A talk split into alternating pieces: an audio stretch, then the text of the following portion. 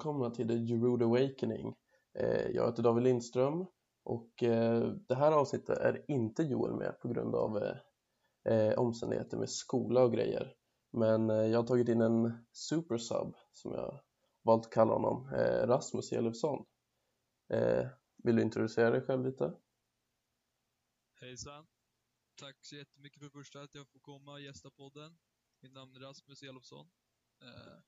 Leeds-supporter, varit ett tag. Även AIK-supporter. Ja. Det. Ja, det är väl kanske inte så mycket mer att eh, snacka om det, men eh, vi hoppas det här avsnittet kommer gå bra utan Joel. Eh, och eh, ja, men vi, jag tycker vi börjar som vi brukar med lite Premier League-snack och helgen och på tal om Leeds så var det ju en liten Eh, ett litet snedsteg från Leeds eller mot Brighton. Vad har du för känslor om just den matchen? Alltså det är mycket blandade känslor som det känns som det varit hela säsongen hittills. Man är ändå nöjd med, med passionen de visar varje match, men som nu i helgen så tycker jag ändå att vi skulle ha haft minst en poäng med oss. Ja, alltså om man, det...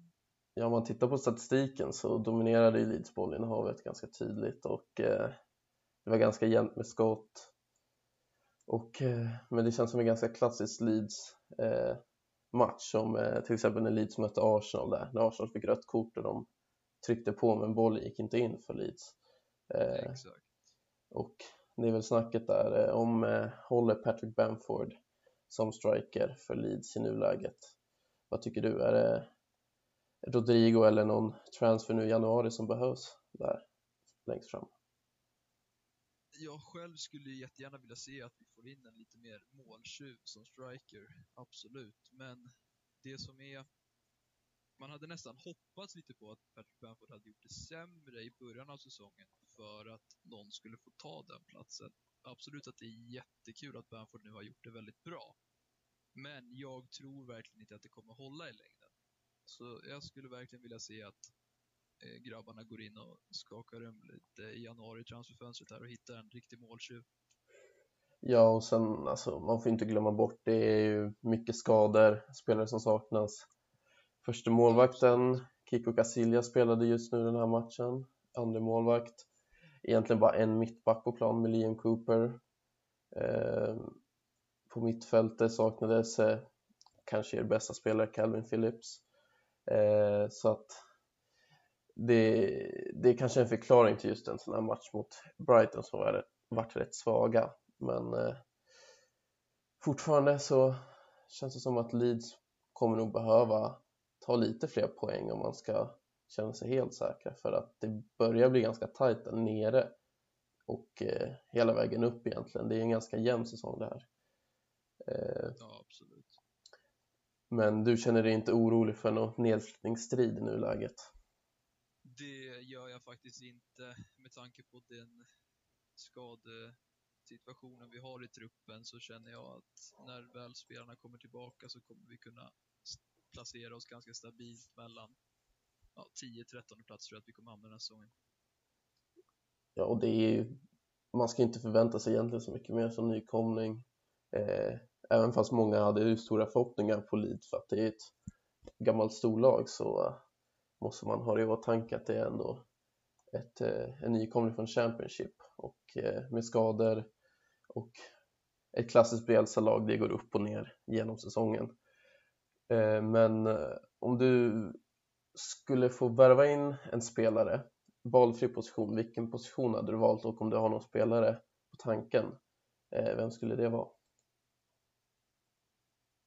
Jag skulle ju verkligen vilja ha tillbaka en Ben White där på mittbackspositionen. Han gjorde det så fantastiskt bra hela Championship-säsongen när vi gick upp. Så det skulle vara jättekul att se han fortsätta den resan med oss, men eh, Brighton verkar hålla väldigt hårt igen.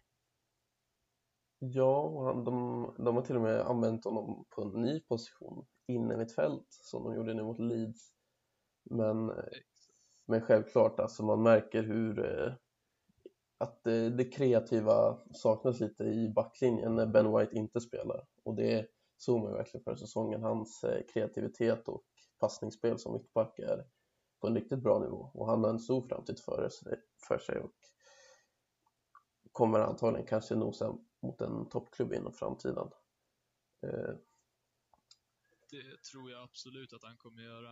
Eh, han visar ju även väldigt mycket spelskicklighet på ett innermittfält. Vilket är en väldigt stor skillnad från att lira mittback i ett Brighton, där han inte får extremt mycket hjälp. Så uh, framtiden är ljus. Ja, eh, jag tror vi kommer tillbaka till lite som ett tag, men vi har ju en liten toppstrid som är lite rolig för en gångs skull, att det inte är ett lag som drar iväg så tidigt. Med att, eh, ja, nu spelade ju Liverpool United 0-0 i helgen. Kändes som det var ganska förutsägbart att det skulle bli lika den matchen, men då är ju United kvar i topp 37 poäng. City tvåa med 35, Leicester delad tvåa med 35 poäng och Liverpool på 34 poäng och sen kommer Spurs på 33 efter det. Så det är väldigt jämnt här uppe. Eh, om du skulle nu peka ut en favorit som du tror eh, skulle kunna rycka i toppen och ha chans på att vinna ligan, vilket lag skulle du välja i nuläget? Det är en väldigt oviss säsong. Det har gått mycket upp och ner i mina tankar också, men som jag ser det nu så tror jag att City kommer avsluta starkt. Jag tror att de kommer kunna nypa den där. Nu ligger de i två med 35 poäng. Även en match mindre spelad där gentemot United. Så eh, jag tror på City, det gör jag. Jo, jag hade lite samma känsla där också, för det känns som Liverpools skador märker man blir väldigt lidande, speciellt nu när man spelar både Fabinho och Henderson på mittback i en match mot United. Så att där känns det som om de, och de har ju sagt att de är inte intresserade av att värva något i januari, Liverpool, då tror jag det kan bli extremt tufft. Men som sagt City, och de har säkert en värvning också nu i januari eh, i sig och jag tror United de har inte truppen än för att hålla hela säsongen tror jag. Jag tror City med deras rutin också kommer bli de som drar längsta strået för mig just nu. Man kan ju se det redan på siffror nu om man kollar på Bruno Fernandes till exempel, att siffrorna är ju inte där mot topp 6-lagen. Mot resten av serien så är de där, då spelar han fantastisk fotboll. Men just mot topp 6-lagen har han, vad han, ett mål på straff och noll assist tror jag. Ja, jo, han är, det är, ganska... det är ju en spelare som måste bära United mot just topp 6-lagen för att de ska kunna vinna en Premier League-titel. Ja, det är det. Det är inte tillräckligt då. Spelar ju, alltså om man tittar på Chelsea-matchen tidigare i höst och nu den här matchen så är det ju väldigt defensivt spelat. Jag tror Liverpool hade 73% bollinnehav i halvtid och, det är en, och då ligger United etta i tabellen. De måste vara lite mer kreativa bollförande och vinna sådana här topp 6-möten för att kunna eh, vinna i slutändan. Eh, Exakt. Ja, annars, var det något resultat du blev chockad över i helgen? Inte direkt. Alltså Chelsea hade det lite tufft som vanligt, även fast de fick den där 1-0-segern. Men de har inte visat något fantastiskt spel än. Nej, det är väl... Ja. Kändes som, kändes som att City visade sina riktiga färger mot Crystal Palace där. Där verkligen körde över, spelade ur allt de hade. Det känns som City börjar likna mer City vi såg för två, tre år sedan där man verkligen mosade alla de här under eh, nedre halvan-lagen. Eh, och att de verkligen är den där maskinen och det kan bli jävligt tufft för konkurrenterna då. Eh, ja, det är verkligen. Det, det ser väldigt bra ut man kollar hur de spelar. Det, det börjar verkligen likna den maskinen de har. Ja, och sen eh, för mig var det också rätt skönt att se att Arsenal vann igår med 3-0 och Aubameyang gjorde två mål. För er del så får ni verkligen hoppas att det släpper nu. Ja, det var ju, han gjorde ju mål mot SA-15 för några veckor sedan och men sen blev han skadad direkt efter matchen. Så han hann inte bygga på det och nu har han kommit tillbaka in och nu fick han göra två mål. Det kan lossna nu och som supporter så känns det otroligt positivt just nu med de unga spelarna som kommer in och Partey tillbaka in i startelvan och fem raka nollor som man inte har haft sedan 08-09 och det är extremt konstigt som Arsenal-supporter att säga att vi har en stabil, ett stabilt försvar. Eh. Ja, det är ju verkligen något nytt på den fronten. ja, men det gäller ju... måste man ju säga. Ja, det gäller ju toppforma nu. Det är ju SA-15 nästa omgång, men sen är det ju United hemma. Vilket United, de har inte torskat borta på 16 matcher i Premier League. Eh, vilket är extremt konstigt. De torskar mer hemma än borta 2020 och nu in på 2021. Eh, så att eh, det blir nog extremt spännande en sån match för att man vet ju aldrig vad som ska hända i ett topp 6-möte nu för tiden. Nej, det hade ju varit väldigt roligt för de här slutliga omgångarna om Arsenal kunde knipa en poäng från United. Ja. Det hade varit, det hade varit kul. Men eh, om vi går tillbaka till Leeds.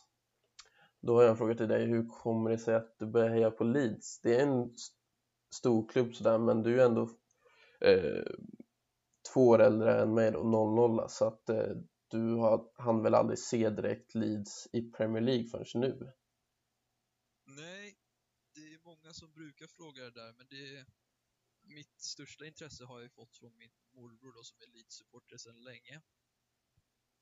Uh, men även så höll jag inte direkt på något lag i Premier League som ung, utan det var jag tyckte inte det var någonting som, som riktigt talade för det och när jag väl kollade då på en Championship-match så var det Leeds mot, eh, ja det var Yorkshire-derby tror jag, det var Leeds, ja det var det. Och det, när jag såg den matchen då så kändes det som att det var en sån otrolig passion för sporten och som vi har sett i år i Premier League så finns det ju inget lag som orkar springa mer än vad Leeds United gör och det tilltalade mig så extremt mycket. Så sen dess var jag fast.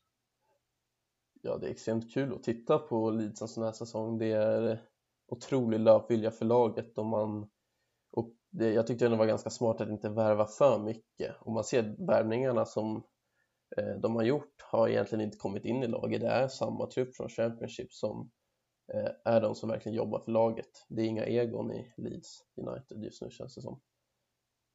Nej, precis. Och det jag tycker de gör bra med nyförvärven är att de verkligen vill jobba in dem i laget innan de får ta ansvar. Det är liksom om man ser raka motsatsen i till exempel Chelsea där Havertz och Timo Werner, Ziyech, de ska komma in och liksom ta ansvar direkt. Och antingen så kan det bli jättebra eller så fallerar det helt. Och jag tycker att Chelsea har inte visat någonting med de där nya värvningarna. Ja. Jag tycker Leeds har fått ut mer av sina nya värvningar på det lilla de har gett dem ansvar. Ja, men man, man har ju lätt att glömma, som vi har nämnt i tidigare avsnitt, om den här som mentala sidan av fotbollen och komma till ett nytt land, ny liga, ett språk man kanske inte talar.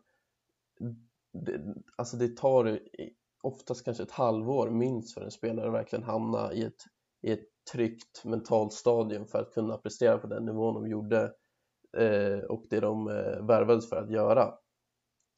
Eh, så att, att verkligen eh, stressa på en spelare in i truppen det blir aldrig egentligen bra. Man ser liksom Klopp när han gör en värvning, han tar det väldigt lugnt med dem i början. Alltså för Keita, det tog nästan ett år innan han egentligen fick börja spela regelbundet och sen så kom han in då bättre i laget än vad man eh, trodde. Exakt. Men eh, den enda riktiga spelaren som fick ta mycket ansvar direkt, det var ju Robin Koch på mittbacken. Mm. Och det var ju för att vi var så otroligt tunna på just den positionen efter vi hade kämpat för att få Ben White under hela transferfönstret som sen inte gick igenom. Så då var ju han tvungen att ta det ansvaret och där tycker jag ändå att vi hittat, det gick ju lite halvknackigt i första två, tre matcherna, några misstag. Men där har vi ändå hittat en stabil mittback som kan spela bredvid Cooper och ändå hålla en rätt hög nivå. Nu är det tråkigt att han är skadad. Men eh, han visade verkligen sin potential både med Tyskland i landslagssammanhang och i Leeds precis innan skadan. Ja, alltså det var ju en ganska bra prestigevärvning från Leeds. Alltså man hade Alltså jag tyckte personligen att de spenderade lite för mycket tid på att försöka värva Ben White. Det kändes som eh, det var för mycket pengar och jag tror det inte hade löst sig. Men sen fick man ändå Robin Koch som, alltså man, man glömmer bort, men han har ändå startat ganska många landslags eh, för Tyskland och har varit en riktigt bra mittback i Bundesliga. Sen kom han in lite dåligt i Premier League, men där tror jag definitivt det finns en otrolig potential. Han är ju fortfarande ung. Eh, och eh, det är väl nyttigt också att få in en eh, mittback som kan ta över lite med den här ledarrollen för det är svårt att veta hur många år Liam Cooper har kvar i Leeds.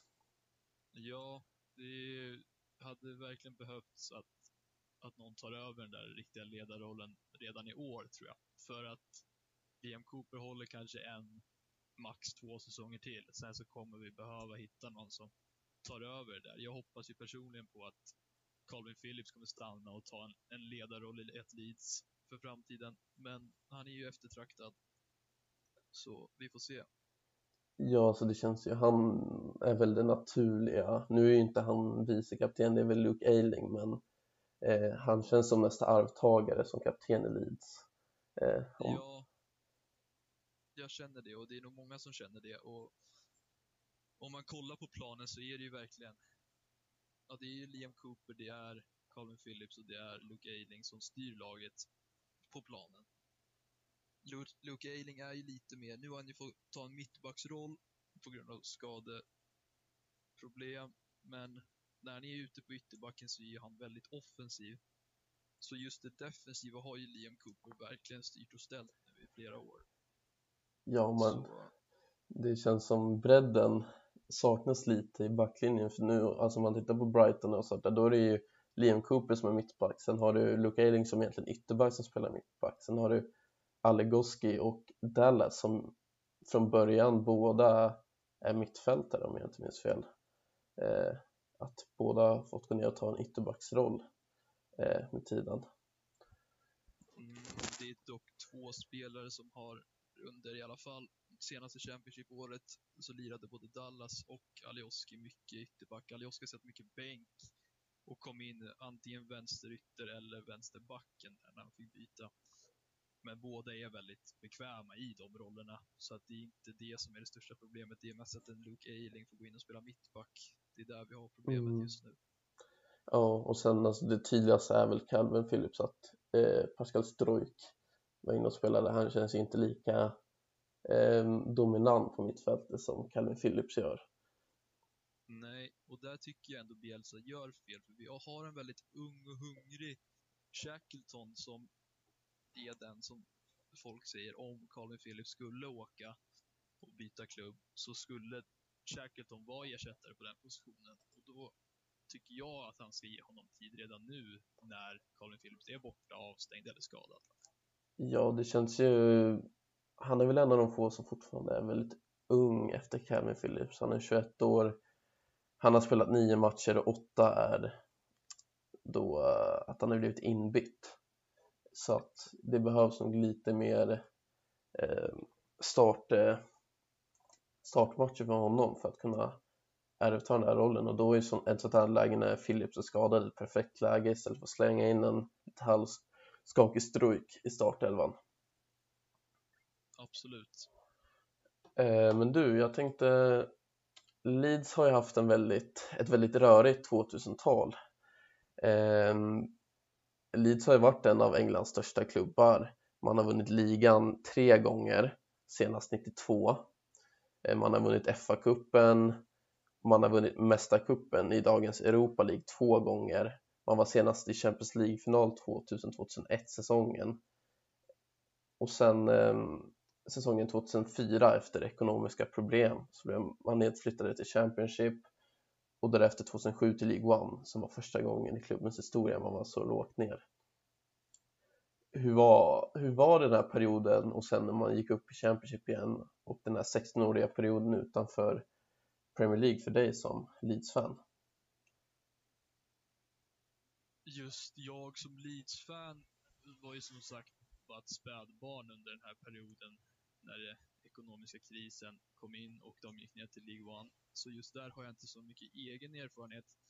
Men det drabbade ju både klubben och staden extremt mycket efter att bara något år innan varit i en Champions League-semifinal och räknas som en av toppklubbarna i världen till att åka ur Premier League och eh, ja, åka ner till League One 2007. Det var ju, alltså staden stod ju still. Alltså, Jag har dock aldrig sett en klubb ha så mycket support även med det där raset. Och det kan man höra från de flesta av fotbollsvärldens supportrar att just den perioden, att det var supportrarna som räddade Leeds i det läget. Och eh, det var ändå häftigt att se med tanke på att det var som det var. Men jag kan ju berätta att 16 års väntan till att gå upp till Premier League igen satte ju sina spår och just de tre sista åren när vi var topp tre varje säsong och året innan vi gick upp så chokade vi mot ett Derby, Lampard, eh, efter att ha ledat säsongen, typ hela säsongen, så började ju supportrar och spelare och involverade ledsna.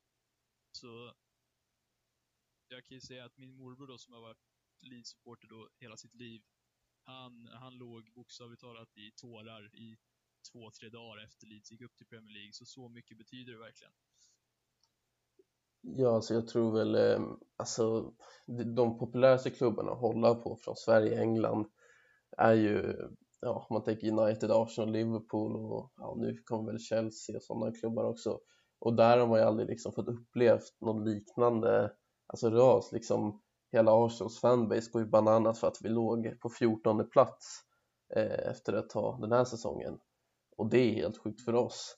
Men men som du sa där att fansen var ju nog extremt viktigt för Leeds när de åkte ner till League One. För vi har ju sett så här nyligen som Portsmouth och Sunderland som har rasat som också har ganska mycket fans. Men de har inte varit en lika stor klubb som Leeds. Alltså det är, Leeds är kanske den största klubben som har fallerat så otroligt mycket. Om man tänker eh, eh om man tänker hur populära de har varit under hela sin eh, period som en fotbollsklubb. Men och när du nämner de här åren, det var ju väldigt nära, speciellt för i början på 10-talet, 2010-talet nu, så var man en mittenklubb men eh, mot slutet så blev man ju mer och mer en toppklubb och jag trodde ju att Leeds skulle hamna i det här eh, i en cykel att man slogs varje år men lyckades aldrig ta den där direktplatsen och alltid lyckades misslyckas i ett playoff och det måste varit så ångestladdat varje år när det var så tajt uppe i toppen. Ja, de sista omgångarna där, både 2018, 2019, 2019, 2020, det var ju man ville se, men man ville ändå inte se matcherna liksom. Ja, och sen vad hade du kunnat tänka dig där med coronauppehållet om de hade stängt säsongen och det hade varit en till säsong i Championship, det hade ju för det känns som hade, det hade varit tungt, det hade det varit. Men eh, ja, men nu är ändå Leeds uppe i, eh, Premier League igen och vad tror du det finns för ambitioner och framtid för klubben? Kan man nå eh, den där storklubbstatusen igen? Med tanke på historien vi har som klubb så vet jag att vi strävar efter att nå det igen. Och det har man ju märkt både på, på värvningar och på hur vi har försökt att inte släppa en enda spelare utifrån förra säsongen. Jag vet det var många som var och drog i både Calvin Phillips och Jack Harrison. Eh, vi lyckades behålla båda två för att kunna bygga upp någonting i år. Sen har vi mycket ungt som kommer och eh, det ser väldigt lovande ut. Vi har en Podega som har fått spelat rätt mycket nu i början, hoppat in, gjort lite inhopp. Eh, Shackleton som jag nämnde tidigare, också jätteljus framtid. Sen har vi också Tyler Roberts och Helde Costa som sitter på bänken som är fantastiska fotbollsspelare eh, framåt. Nu fick vi in en Rafinha som har gjort det väldigt bra och är väldigt livlig framåt. Så det kommer bli svårt att ta en plats där, men jag tycker ändå bredden framåt så har vi så att vi kan hålla oss på samma nivå även fast vi gör byten. Det är ingen toppnivå, men vi kan ändå hålla oss liksom som en ständig standard. Det är bara bakåt som det svajar.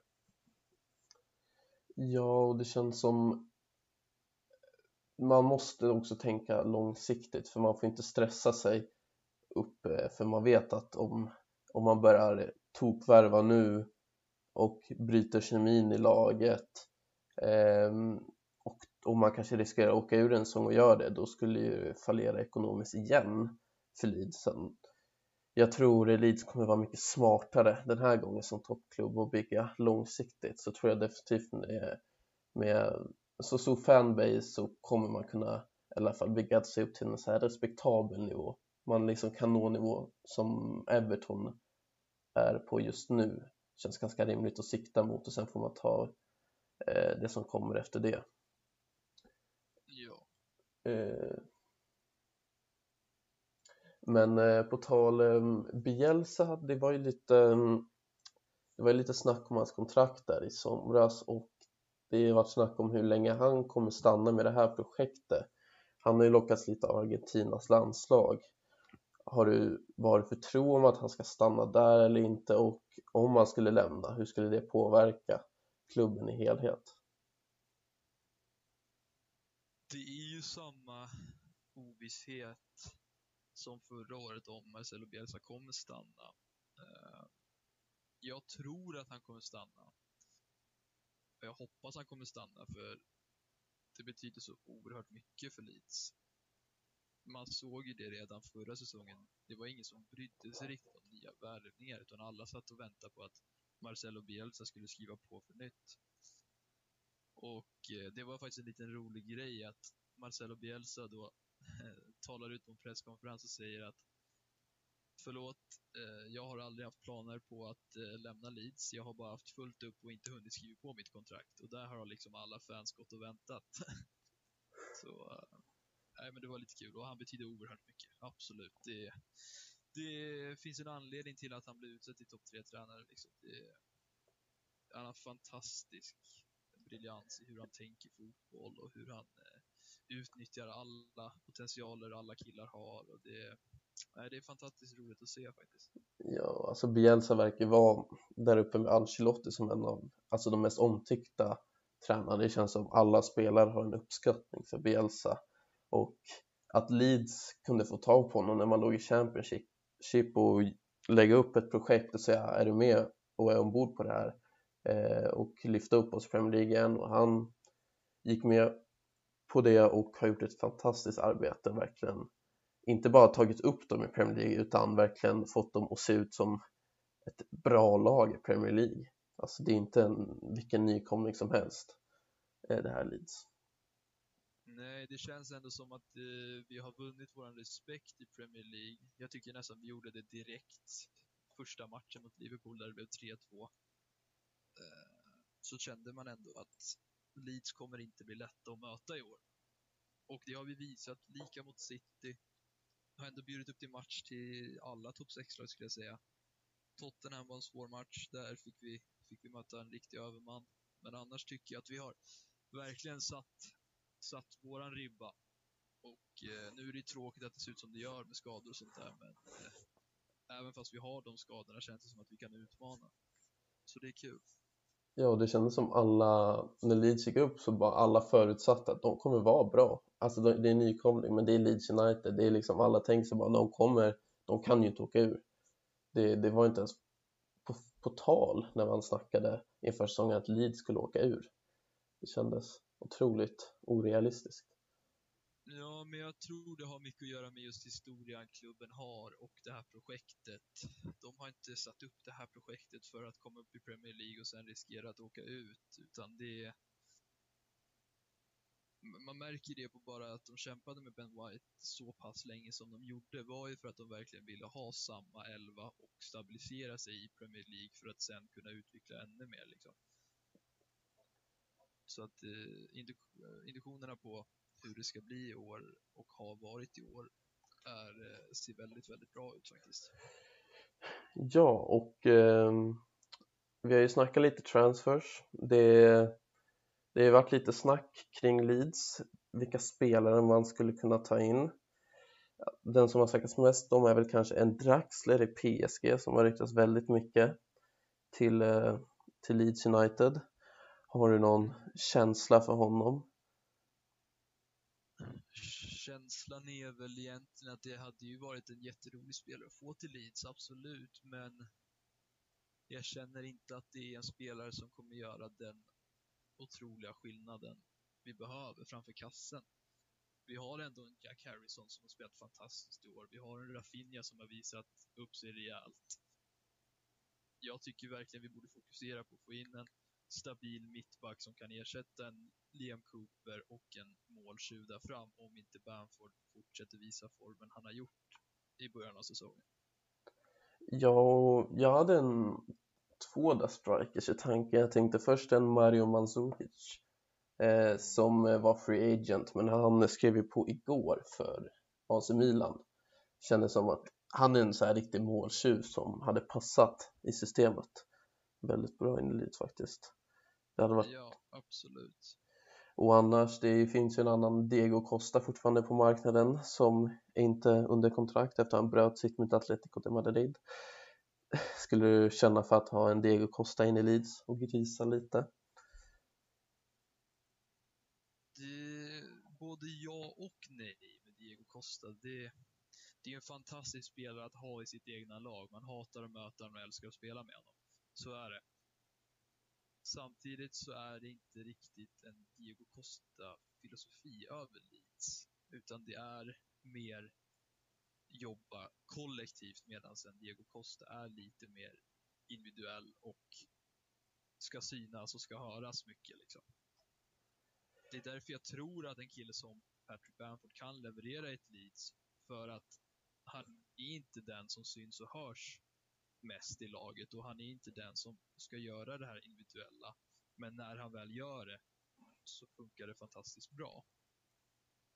Så jag skulle ju, som vi snack, började innan säsongen så var det snack om en Edison Cavani och där snackar vi en värvning som hade gjort fantastisk skillnad i laget. Nu var det ju tråkigt att han gick till United, vilket ändå är förståeligt. Eh, för han vill väl inte, eller erbjudandet var helt enkelt bättre. Men eh, det hade varit extremt kul att se en spelare som Edison Cavani i ett Leeds med de spelarna vi har runt omkring. Ja, så det känns ju som Bielsa är extremt attraktivt. Eh, bara han liksom i Leeds, att spela under honom. Det har ju varit rykten om Papo Gomes i Atalanta som har varit i lite eh, bråk med klubben och där är ju kopplingen, han är argentinare, har snackat väldigt gott om Bielsa en sån spelare in i Leeds skulle höja dem till nya nivåer. Det är liksom som en Cavani-värvning där. Alltså det skulle verkligen lyfta hela laget känns det som. Ja, det är verkligen en sån här värvning man vill hoppas på men man vågar inte hoppas på. Nej, det är, det är lite oklart men eh, kanske lite mycket Leeds nu men eh, om vi går vidare på transfers, det är ändå januari nu. Som sagt så har ju Mario Mandzukic Ehm, eh, skrivit på för eh, Milan gratis då och även för Kayo Tomori ser det ut som att han ska eh, skriva på, på ett lån eh, från Chelsea med option att köpa till då AC Milan. Har du några tankar om de två spelarna till Milan? Um, det kommer höja Milan, absolut, det tror jag. Uh, nu får vi se Zlatan då, hur, hur många säsonger han har kvar. Han slutar ju aldrig förvåna, men eh, vi får se hur spelidén är, om de kommer vilja köra med två forwards eller om det kommer vara lite byte där mellan Mandzukic och Zlatan eller, eller hur det kommer vara. Just nu tycker jag deras spelsätt funkar fantastiskt bra. Ja, de ligger ju etta i Serie A fortfarande med bara en torsk och jag, jag tror Mandzukic är nog tänkt som ett Eh, en backup till Zlatan. De har ju, har ju han eh, Rafael Leao men han är lite inconsistent där så jag tror de ville ta in en stabil pjäs som backup för att Zlatan har ju missat en del matcher den här säsongen och lite samma där med mittbacken vid Tomori att de ville ha in en till mittback för att de hade lite tajt med spelare där vilket kommer hjälpa dem pusha mot en ligatitel som skulle vara extremt kul att se eh, att en annan klubb än Juventus vinner Serie A för en gångs skull.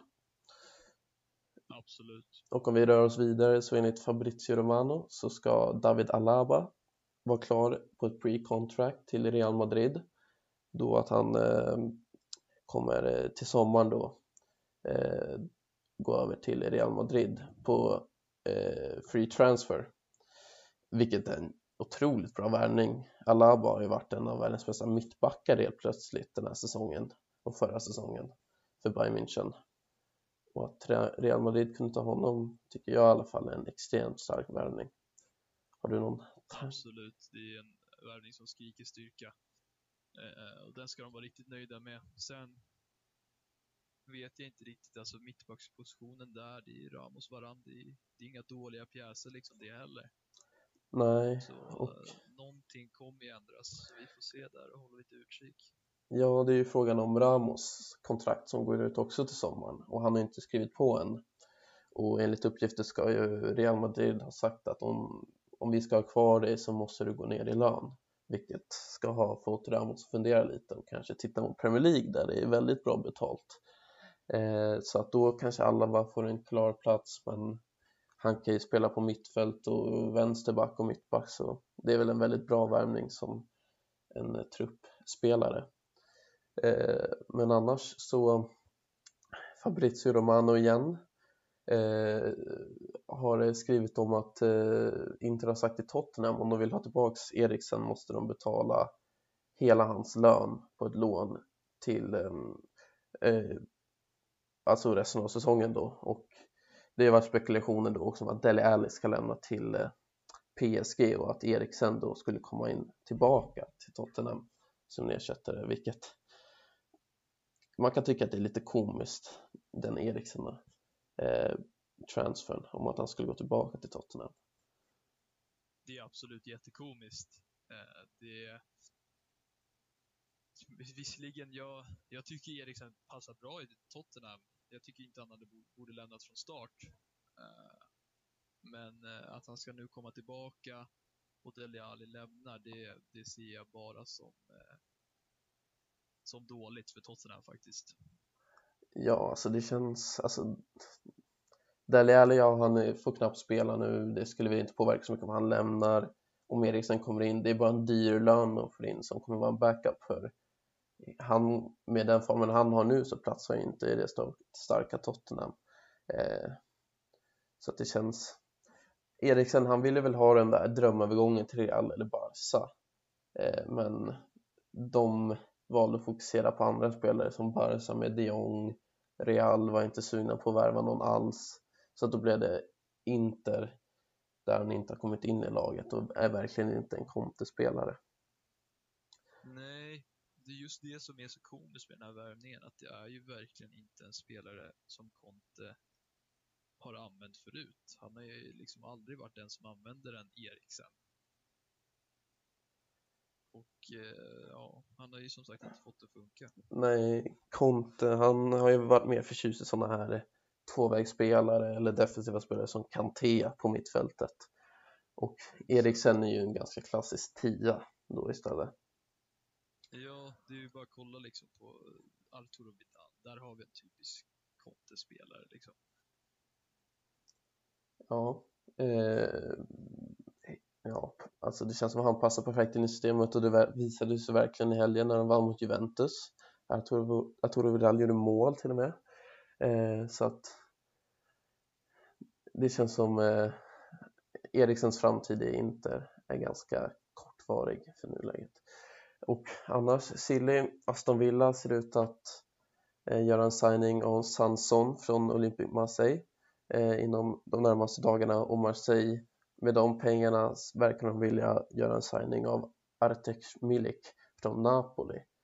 Eh, så att det är väl den businessen som har hänt. Det är inte otroligt mycket nu under corona eh, på grund av att ekonomin är inte är så stark liksom det är mer lån man ser som att Danny Drinkwater blir utlånad till Karpensa i Turkiet. Det är sådana transfer som händer dag till dag så att eh, man får nog vänta till sommaren på en av de här större övergångarna. Jajamän. Det var väl mycket snack nu också om eh, en Håland till Chelsea, vad jag har sett. Ja, det har kommit uppgifter om att Chelsea ska byta sitt transferrekord eh, igen. Jag vet inte om det är Keppa som är det just nu men eh, att de vill bryta transferrekordet och värva då eh, Håland. Eh, det har även varit snack om City. Det, det sägs ju att Håland ska ha en utköpsklausul som kickar in den här eller nästa sommar som är relativt billig, runt 50-60 miljoner euro. eh, vilket är ganska lite för en klubb som Chelsea och Manchester City och båda behöver ju det här målskyttet. Det känns mer naturligt för City, Agüero på väg ut, Jesus har inte fungerat, hon behöver en striker. Chelsea har ju precis värvat en Timo Werner och att man redan efter ett halvår skulle ge upp på det. Det känns skulle kännas väldigt konstigt. Alltså det jag förstår inte det, det ryktet helt. Alltså Haaland är en jättebra spelare men är det den spelaren Chelsea behöver just nu? Det, just nu, nej. Alltså ge Timo Werner chansen. Han är en målskytt liksom. Bygg på det ni har. Att värva, gör en rekordvärvning på en Haaland, det, jag ser liksom inget positivt komma ur det. Absolut att ni får en riktig målskytt, men det... Nej. Alltså jag ser... Jag skulle i alla jag skulle fall inte vilja se Haaland i ett Chelsea. Jag tror inte det är rätt väg för honom att gå. Nej, alltså han, det var ett väldigt smart move att gå till Dortmund istället för att eh, som sagt alldeles för snabbt i sin karriär dra till en för stor klubb för tidigt som har sett så här med Ödegaard som drog till Real när han var 15 liksom. Det var inget, det, då kan man inte ha en förhoppning på speltid liksom i ett, i ett A-lag. Medan Haaland som gjorde succé i Salzburg gick vidare till eh, Dortmund som är väldigt kända för att utveckla sina spelare och sen nästa steg är väl en av de här toppklubbarna i världen. Det kan vara allt från ja, PSG, Bayern München, Real, Barca eller ja, en, kanske City eller Liverpool, vem vet? Eller till och med Leeds. Han har ju snackat om eh, att han eh, vill spela för Leeds, hans farsa. Eh, spelade ju ett antal säsonger i alla fall för Leeds och var väl väldigt omtyckt som spelare. Det var han verkligen. Eh, och Erling där har ju sagt då att han ska vinna Premier League med Leeds innan hans karriär är slut. Sen hur mycket verkstad det blir av det uttalet, det får vi ju lov att se, men eh, med tanke på att Alf Inge Haaland, hans pappa då, var en fantastisk profil i ett Leeds och Håland Haaland är även född i Leeds så, eh, så finns det ju självklart chansen att, att han kanske hamnar i ett Leeds beroende på vad Leeds gör närmaste framtid. Men jag skulle nog mer se att han kanske avslutar en karriär i Leeds än att han, än att han påbörjar den. Jo, det känns... Alltså, Leeds kommer väl inte ha de pengarna för att konkurrera ut ett Chelsea eller ett City om att värva honom nu. Han har väl aspirationer på att bli Eh, bäst i världen då är det väl andra klubbar som eh, man måste spela i för att få det anseendet. Men drömmen finns väl alltid. Han verkar ju ja som du sa han är född och verkar väl vara ett ganska starkt Leeds-fan och att ja, kanske slut mot karriären göra som en Zlatan som kommer tillbaka till Milan väldigt sent kanske något sånt, något sånt och kanske inte vinner ligan men i alla fall spelar någon säsong för Leeds skulle vara väldigt fint faktiskt. Ja, och det tror jag faktiskt väldigt mycket på att han kommer göra om det inte kommer upp något skadeproblem som han får ett tidig karriärslut. Så tror jag att han kommer vilja ha en avslutning i Leeds. Sen om det blir en säsong eller flera, det, det återstår att se. Ja, och eh, där tror jag vi sätter stopp faktiskt för det här avsnittet och jag får tacka dig Rasmus för att du ville hoppa in. Eh, tack själv, tack själv. Och eh, ja, man vet aldrig, vi kanske hör från dig i framtiden någon gång i en annan podd. Det får vi hoppas på. Ja, har du något sista ord till publiken? Eh, inte direkt, tack för att ni lyssnar. Eh, grabbarna gör ett fantastiskt jobb med podden. Eh, jag är en eh, självklar supporter och lyssnar varje vecka, så det är bara fortsätta lyssna och dela till folk ni känner så uh, får vi podden att flyga. Ja, följ oss gärna på Instagram och eh, ni är med nu. Varje onsdag släpper vi ett avsnitt så att det är bara att hålla koll varje onsdag och så är det bara att lyssna och ge oss respons. Uppskattas väldigt mycket och så får eh, vi får väl tacka för att ni har lyssnat då. Och jag får tacka dig Rasmus igen för att du ville hoppa in. Tackar så mycket. Ha det bra hörni. Hej hej. You know, man. You know, man.